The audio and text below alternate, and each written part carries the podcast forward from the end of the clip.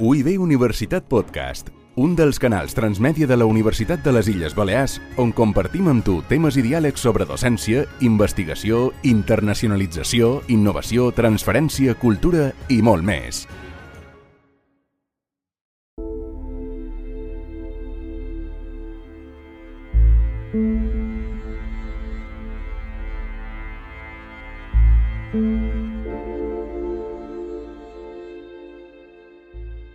El 2022 va tancar amb 64 guerres en el món, algunes més actives que les altres. N'hi ha de conseqüències ferotges i recents.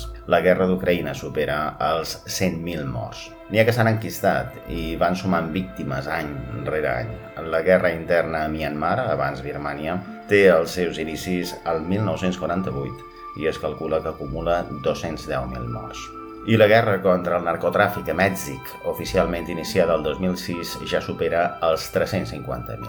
A Europa, la guerra d'Ucraïna capta tota l'atenció. Una guerra en la base de la qual hi ha la lluita geoestratègica entre un bloc occidental i un altre amb Rússia en primera línia i Xina com gran potència amiga, però que no entra en combat.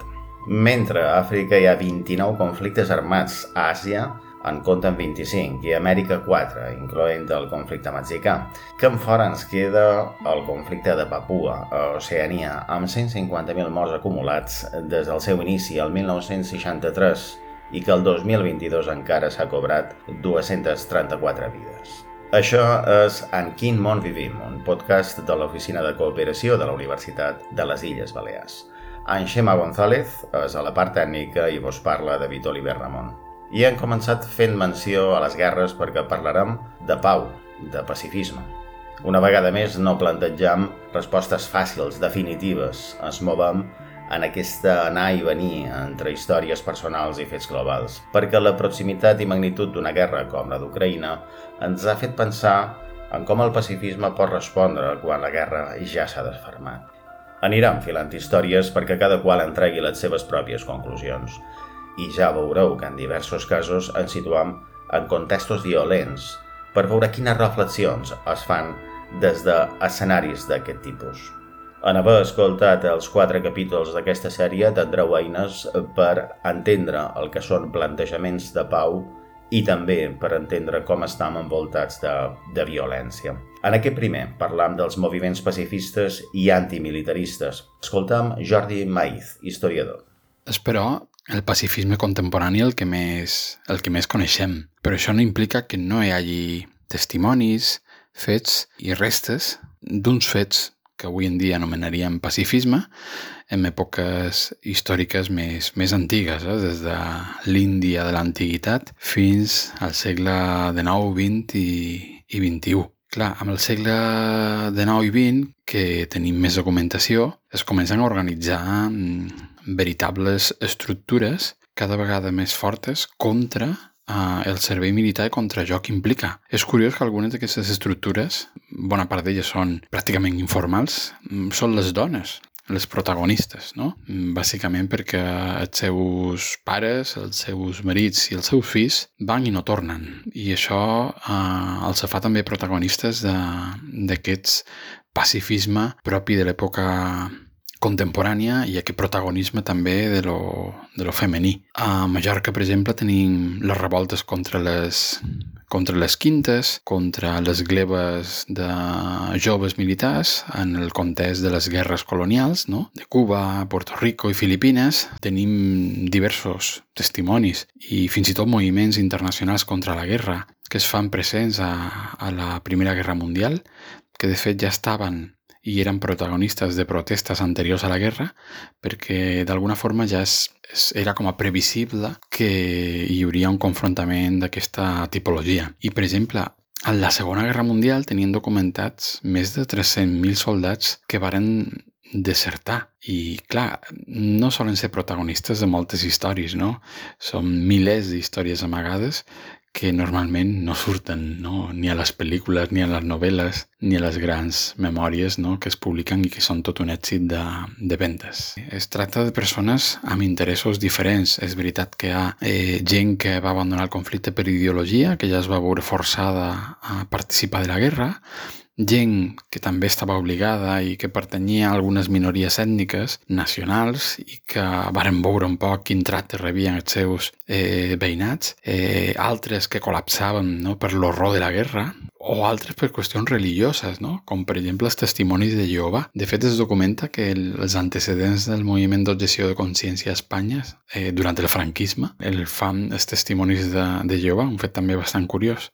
I també tenint històries més literàries, no? gent que abandona la guerra per, per amor. El problema és que molts d'ells van ser condemnats a morts a, a, a morir, no? Van ser afusellats per no voler matar a ningú. A Àustria eh, podeu visitar un petit monument que fa o, o no en aquestes persones que varen desertar de l'exèrcit nazi durant la Segona Guerra Mundial. No? Em sembla pues, curiós no? aquest reconeixement i que no és un reconeixement que, que s'està ampliant i que està per tot arreu. No? Eh, aquest moviment està mm, en silenci, però està present encara a diversos llocs. Com diu en Jordi, són veus certament oblidades, poc enaldides, com invisibles en el relat present. Potser vos resulta més familiar el moviment d'objecció de consciència o d'insubmissió, un gran moviment cívic pacifista antimilitarista. La seva persistència va acabar amb el servei militar obligatori a Espanya. Tornem a fer una mica d'història.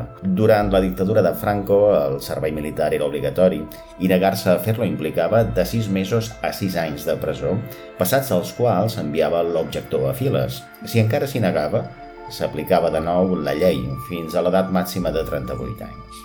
Els primers objectors varen ser els testimonis de Jehovà, el primer Jesús Martín Noales, l'any 1958. Al 1971 ja hi havia gairebé 200 testimonis de Jehovà a la presó. Aquell mateix any, Pepe Beunza, catòlic, fou el primer objector de consciència per raons polítiques, per defensar la no violència. Mort Franco, el 1978, es reconeix el dret a l'objecció en la Constitució espanyola, en el seu article 30, el que va dur, el 1984, a una llei reguladora de l'objecció de consciència i de la prestació social substitutòria, que preveia la realització de treballs socials a la comunitat d'una durada superior al servei militar, encara obligatori. El 1998 es publica una nova llei reguladora. El nombre d'objectors va augmentar i un nombre important no estaven tampoc d'acord amb el servei civil substitutori i es negaven a realitzar-lo. Eren els insubmisos, lligats a moviments antimilitaristes. L'any 2001 se suspèn l'obligatorietat de la mili i el 2002 el govern es veu forçat a reformar el Codi Penal i el Codi Penal Militar per eliminar els delictes relacionats amb la insubmissió. Això amnistia prop de 4.000 insubmisos processats i uns 20 insubmisos que ja eren a les casernes. Anem a un testimoni personal. Indagam en les motivacions d'un objector de consciència, en aquest cas, ell és Andreu Bové, Bové, professor d'infermeria i fisioteràpia de la Universitat de les Illes Balears. Va ser un dels primers objectors de consciència de les nostres illes. I les seves motivacions, ja ho veureu, ens fan pensar amb el que representava la forma de masculinitat encarnada en la figura del militar. Vàrem entrevistar en Andreu a la porta de l'edifici Ramon Llull de la Universitat de les Illes Balears. Era un dia de desembre, inusualment assolellat, amb alumnes que passaven camí de les aules, alguns que s'aturaven a escoltar. Així va anar la conversa. Avui parlam amb Andreu Bové. Andreu és professor d'infermeria i fisioteràpia d'aquesta universitat, de la Universitat de les Illes Balears, i va ser clar, no entram eh, a dins el que era temps de dictadura, sinó en el principi de, de la democràcia i aquí trobam persones com n'Andreu que se situen en aquella primera franja d'objectors i dels primers de les Illes Balears. Andreu, com estàs? Què tal? Jo bé, bé. Aquí tornant-me, però molt bé. Estàs solet, sí, sí, sí, només un tema interessant perquè bueno, és una cosa de continuïtat històrica que té molt de sentit en qualsevol sí. moment. Com se van gestant aquest moviment d'objecció de consciència i també com van arribant a les persones. Clar, és un històric que venien d'una dictadura, jo som fills, padrí, vull dir, som net d'un padrí re, que han estat eh, la Guerra Civil i han tingut repressió i després venc d'un pares en què també han tingut una ideologia bastant progressista però molt callada, tot està molt de control, molta de por. Viure, vinc, he viscut d'aquesta història encara que ja vaig créixer dins els principis de la democràcia però clar, els meus valors eren aquests valors de, de, de certa possibilitat d'escollir, de poder resistir-se i sobretot de lluitar contra el que se diu la injustícia social, no? certa, com em van viure aquesta qüestió i per tant d'aquest moviment que hi va haver en aquell moment, que era una sortida de la dictadura, un inici de la democràcia, també és vera que jo vaig tenir la sort i el miracle de trobar-me un, un moment, l'any 84, quan va sortir la llei, jo havia d'anar a la servici militar un any antes i a mi no me van ni castigar com insumís, sinó vaig estar en stand-by un any esperant que sortís la llei i després me van amnistiar. No vaig tenir que fer ni servei social ni servei militar. És vera que jo eh, també he aprofitat el consell i la llei també me va anar bé en aquell moment, no? però sí que va sorgir més d'una lògica jo crec que de resposta i de resistència a certs discursos monolítics que venien de la dictadura i que encara jo a vegades trobo que no han resolt avui en dia aquí al nostre país, d'una sola manera d'entendre Espanya, d'una sola manera d'entendre la bandera, d'una sola manera d'entendre que el militarisme respon a una lògica de que tu has d'obeir o te pareix que bé no ha opinió, vas a la guerra perquè t'hauries de defensar una manera d'entendre el país, una manera d'entendre i habitualment és una, no hi ha espai per la diversitat i era cosa que anava molt en contra de mi. I el que a més jo sentia que anar al servei militar en aquell moment era com si m'hi ficassin dins de presó. Sí. Perquè responia, pues jo no responia a aquest patró que s'esperava de soldat, jo era un innovés, tenia una orientació sexual anar gens clara, m'agrada la passió, m'agrada la força, però la vull escollir quan, no soc una persona agressiva habitualment i la violència per mi forma part del quotidià com una eina, eh, encara que parlant de lluita, de justícia social, altres maneres de lluitar que no és l'agressió. I clar, va ser una miqueta aquell context així, més que d'un pacifisme, diguem, de flower power, no? així una miqueta, va ser més una resistència a dir jo no vull fer eh, o que m'obliguin a fer una cosa que jo no vull fer, no? que era un poc rompre ja en la dinàmica que duen de molt d'anys, no? que tenia una sola manera de funcionar. Uh -huh. I va ser més aquesta qüestió que connectar en moviment i aprofitar aquesta, aquest bagatge per fer aquesta resistència. Clar. Andreu, aquí hi ha una qüestió que tu mos explicaves ara com s'havia resolt eh, el teu cas, però circumstancial. Tu quan t'hi vares posar no ho sabies. Com era aquella decisió de dir, val, jo això, aquí jo no hi vaig de cap manera? El que passa és que és una qüestió, és una lògica que justament sempre he tingut, perquè també justament també sé que ensenya la universitat, que és com a la nostra societat determina el nostre benestar, i per tant és una cosa que coneixes com són les normes, com funcionen i quin espai de resistència queden i jo sempre he tingut aquesta manera d'intentar viure el millor possible a l'entorn que tens i adaptar-te el millor possible, no? I aquella llei, però clar, tenies por de que podries acabar en presó de veres, no podries, i a més també en cert, també en aquell moment, lo de l'estigma social que potser van viure tots els testigos de Jehovà més que no m'imagino, quin, això sí que és, és molt valent perquè devia ser un fora de la norma total, nosaltres, eh, resistents, començàvem a estar més dins la norma que fora de la norma. Era més eh, normal resistir-te que fer-ho, no? I per tant, això també socialment eh, la por eh, t'ajuda a controlar-la i bueno, pot tenir impactes, però sabia que la presó difícilment no? que acabaria. Ja. Jo vaig tenir sort amb això. Sé que altra gent ha tingut de, de passar moltes situacions molt més així, no? Però en aquest cas sí, però que hi havia por por sí, incomprensió per part de generacions més grans, però jo no vaig tornar a resistència ni dels meus pares, ni, no, amb això no, no hi va haver una resistència social de que me dejectassin per, per aquesta decisió, no? en sí. aquell moment.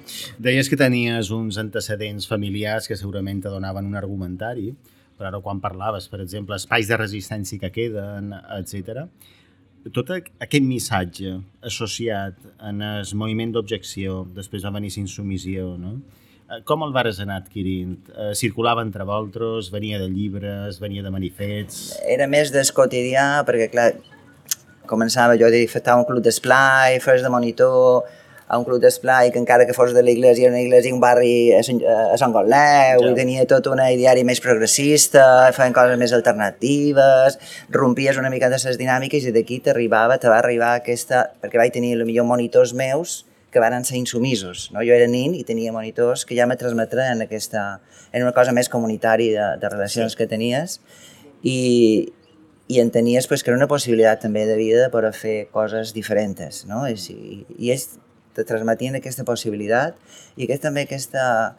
I en certa manera també a nivell es valors que a l'esplai, de convivència, de pacifisme, clar, potser paraula pacifista no directament, però no d'agressió, de, de certa cooperació, sempre era un valor que formava part no? d'aquesta qüestió i clar, això s'entenia quan te, no, has d'anar a un lloc on has de, has de dur una roba mm, així, has de fer eh, així, no tens possibilitat de dir ni l'acció ni la teva identitat s'aborra perquè no hi ha una, tot és la mateixa identitat. Com a militar hi ha una manera i el que més està fora. I això pues, xocava molt en el moment en què també hi havia un, tot un moment d'obertura social brutal, no? Sí. Lo de la movida i totes aquelles coses que va ser Clar. impressionant, no? I Era clar, era rompre amb una identitat única i cercar altres identitats que diré que van tenir molta de sort. Andreu, amb això, tornant en el context, anem a entrar a dins diguem-li, l'escriptori de l'objector d'un temps. No? Jo recordo haver vist les eh, instàncies i ja més o menys oficials per fer-te, no, més o menys no, oficials, per fer-te objector si, si volies. No? Però també recordo haver parlat amb objectors de consciència que m'ha dit jo, quan jo m'hi vaig presentar no hi havia cap tipus de formulari tipus.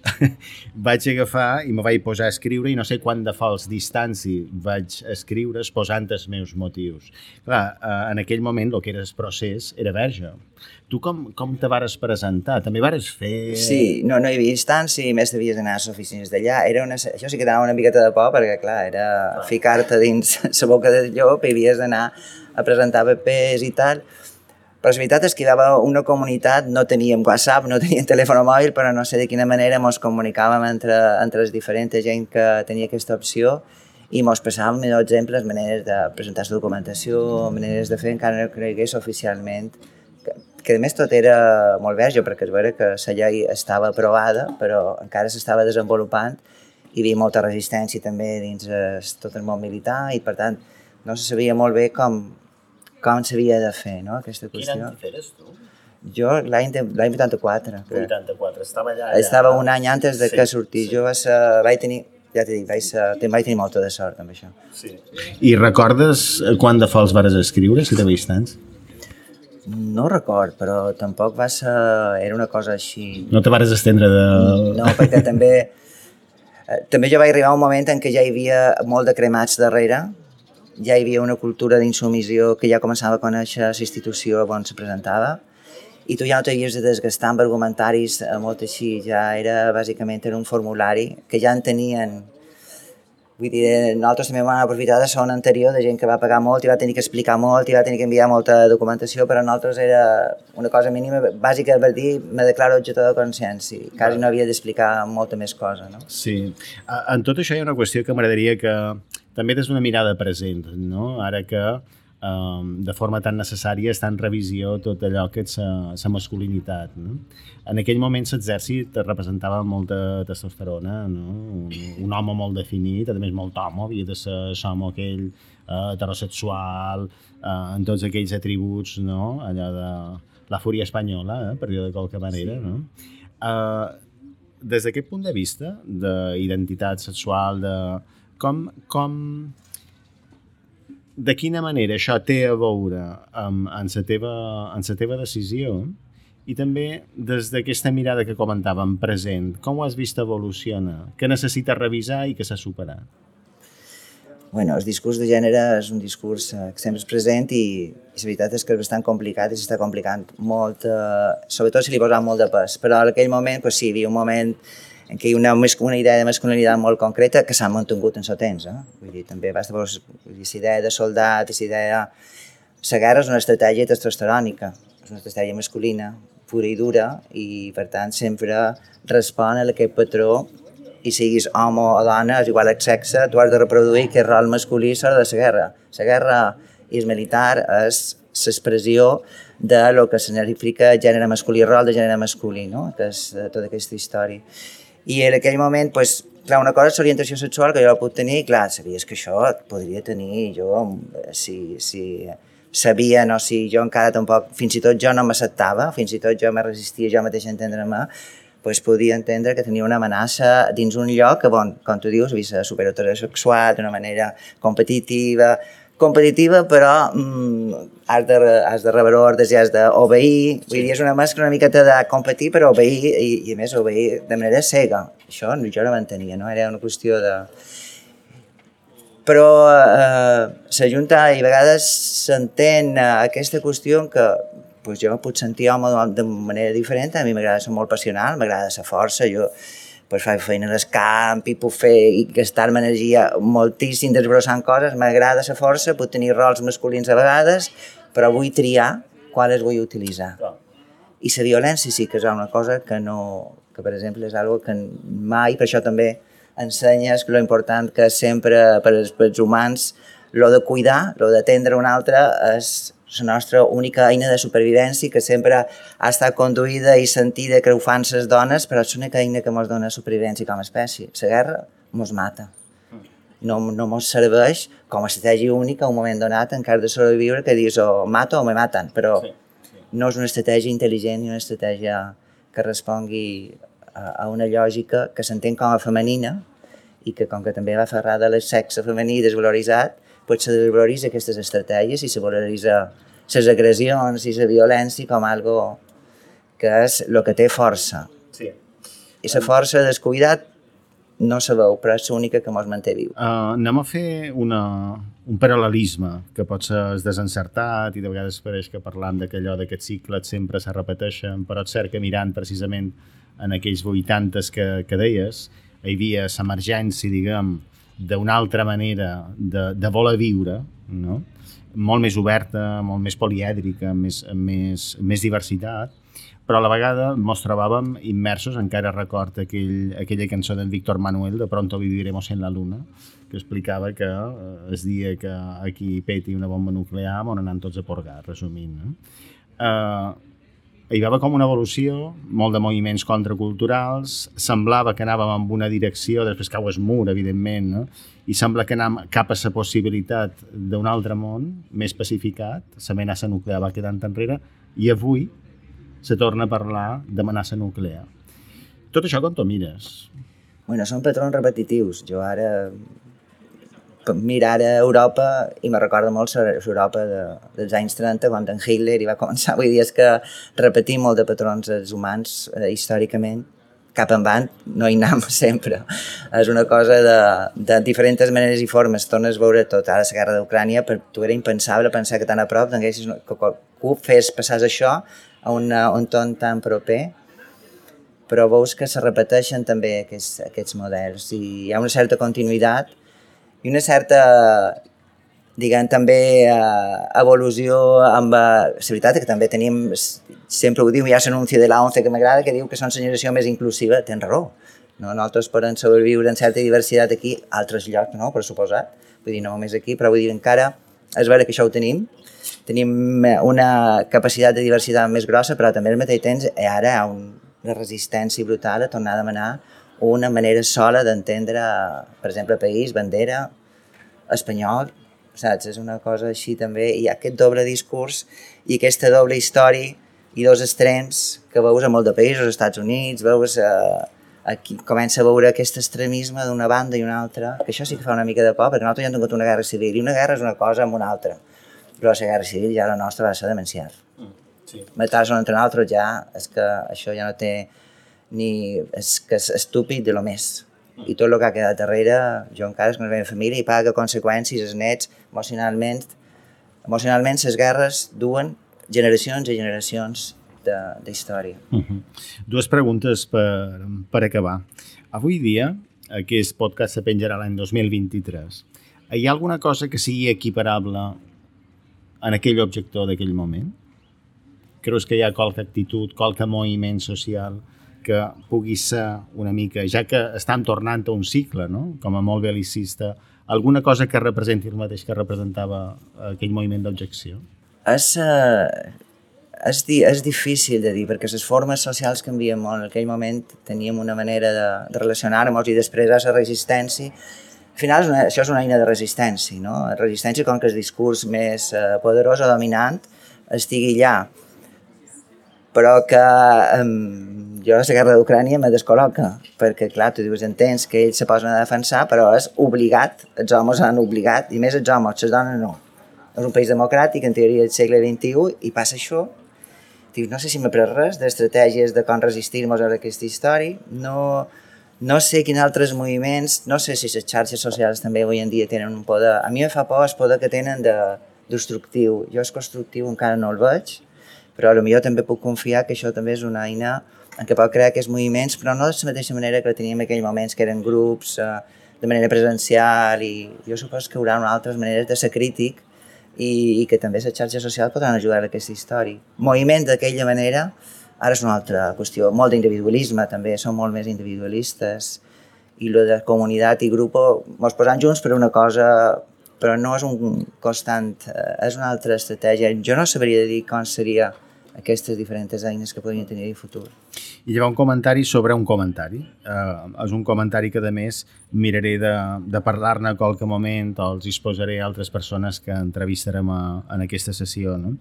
eh, en relació eh, en aquesta guerra d'Ucraïna. Clar, genera moltes paradoxes i molt de debat interior, què hem de fer davant d'aquesta situació, quan allà cauen bombes, com s'ha de reaccionar, etc. I una persona de Fundipau deia, clar, ara estàu criticant el ara. Per això és com criticar eh, els bombers quan ja hi ha un incendi, com si fossin els culpables del foc. El tema és abans. El foc no ha de començar. No, no, és això que dic, aquesta estratègia de manera de gestionar, de fer política tan masculina i tan testosterònica és que ens condueix a aquesta qüestió. Vull dir, tu veus en Putin i veus, veus un perfil que dius és que no són gens intel·ligents en aquest aspecte, no? no amb aquesta qüestió s'hi condueix, és una manera de resposta també darrere una quantitat d'interessos econòmics. El nostre, ara, el nostre model econòmic, tot l'economia mou les guerres, és qüestió econòmica. Ja no tant de valors, sinó qüestió econòmica. I això també s'ha de tenir clar. I tots funcionam amb aquesta lògica. I està aquí, però també en el meu moment també va haver aquesta incoherència en el sentit de que hi havia aquesta resistència, hi havia, per vegada hi havia el Partit Socialista del govern i tot era molt progre i tota aquesta cosa, però de cop i volta també ens havien d'ingressar l'OTAN. I això va xocar molt i ens va sobtar perquè en teoria eren pacifistes, antibelicistes, però al mateix temps ara tenien que votar que sí l'OTAN perquè ens havien de defensar i l'OTAN era una organització militar. Ens va crear, te va crear un poc de, de dissecció paradoxa perquè en aquell moment era com un, un discurs com a net, era un poc naïf, el nostre que és pacifisme, sí, no, no lluita, no guerra, però de cop i volta la realitat te diu, mm, però necessites defensar-te, ha d'haver una, una associació i, i va ser un moment una miqueta de transició estrany, perquè el mateix partit que propulsava una cosa també després te demanava que votessis això altra i ens va crear una manera estranya de situar-nos davant aquesta situació i de mirar un poc així per dir, no sé, és vera que me necessit defensar-me també, no? Com me defens si no tinc... I clar, és una qüestió que és mala de resoldre, perquè el pacifisme pur i dur de no fer res davant una agressió d'un altre que faig si l'altre m'agradeix Quines són les estratègies? Posar l'altra cara? pegar-li una bufetada. Quina és l'estratègia? Convencer-lo, si no convenç. Vull dir, clar, hem de ser realistes de com funcionen després els humans. Una cosa és educar, i per mi és l'eina bàsica és educar. És crear les estratègies d'educació des de base. Créixer en que aquesta alternativa no sigui la menys eh, possible, al final. I d'Andreu Bové, moltes gràcies per aquesta gràcies estona. Gràcies a vosaltres, un espai. Que, que vagi molt bé. Molt bé, doncs moltes gràcies. A molt tu. interessant. I en el proper capítol sabrem què es fa a les escoles per fomentar la cultura de la pau i com a contrapunt, com funciona el negoci de les armes, és a dir, quin món construeixen els adults. Això és en Quin món vivim, podcast de l'Oficina de Cooperació de la Universitat de les Illes Balears.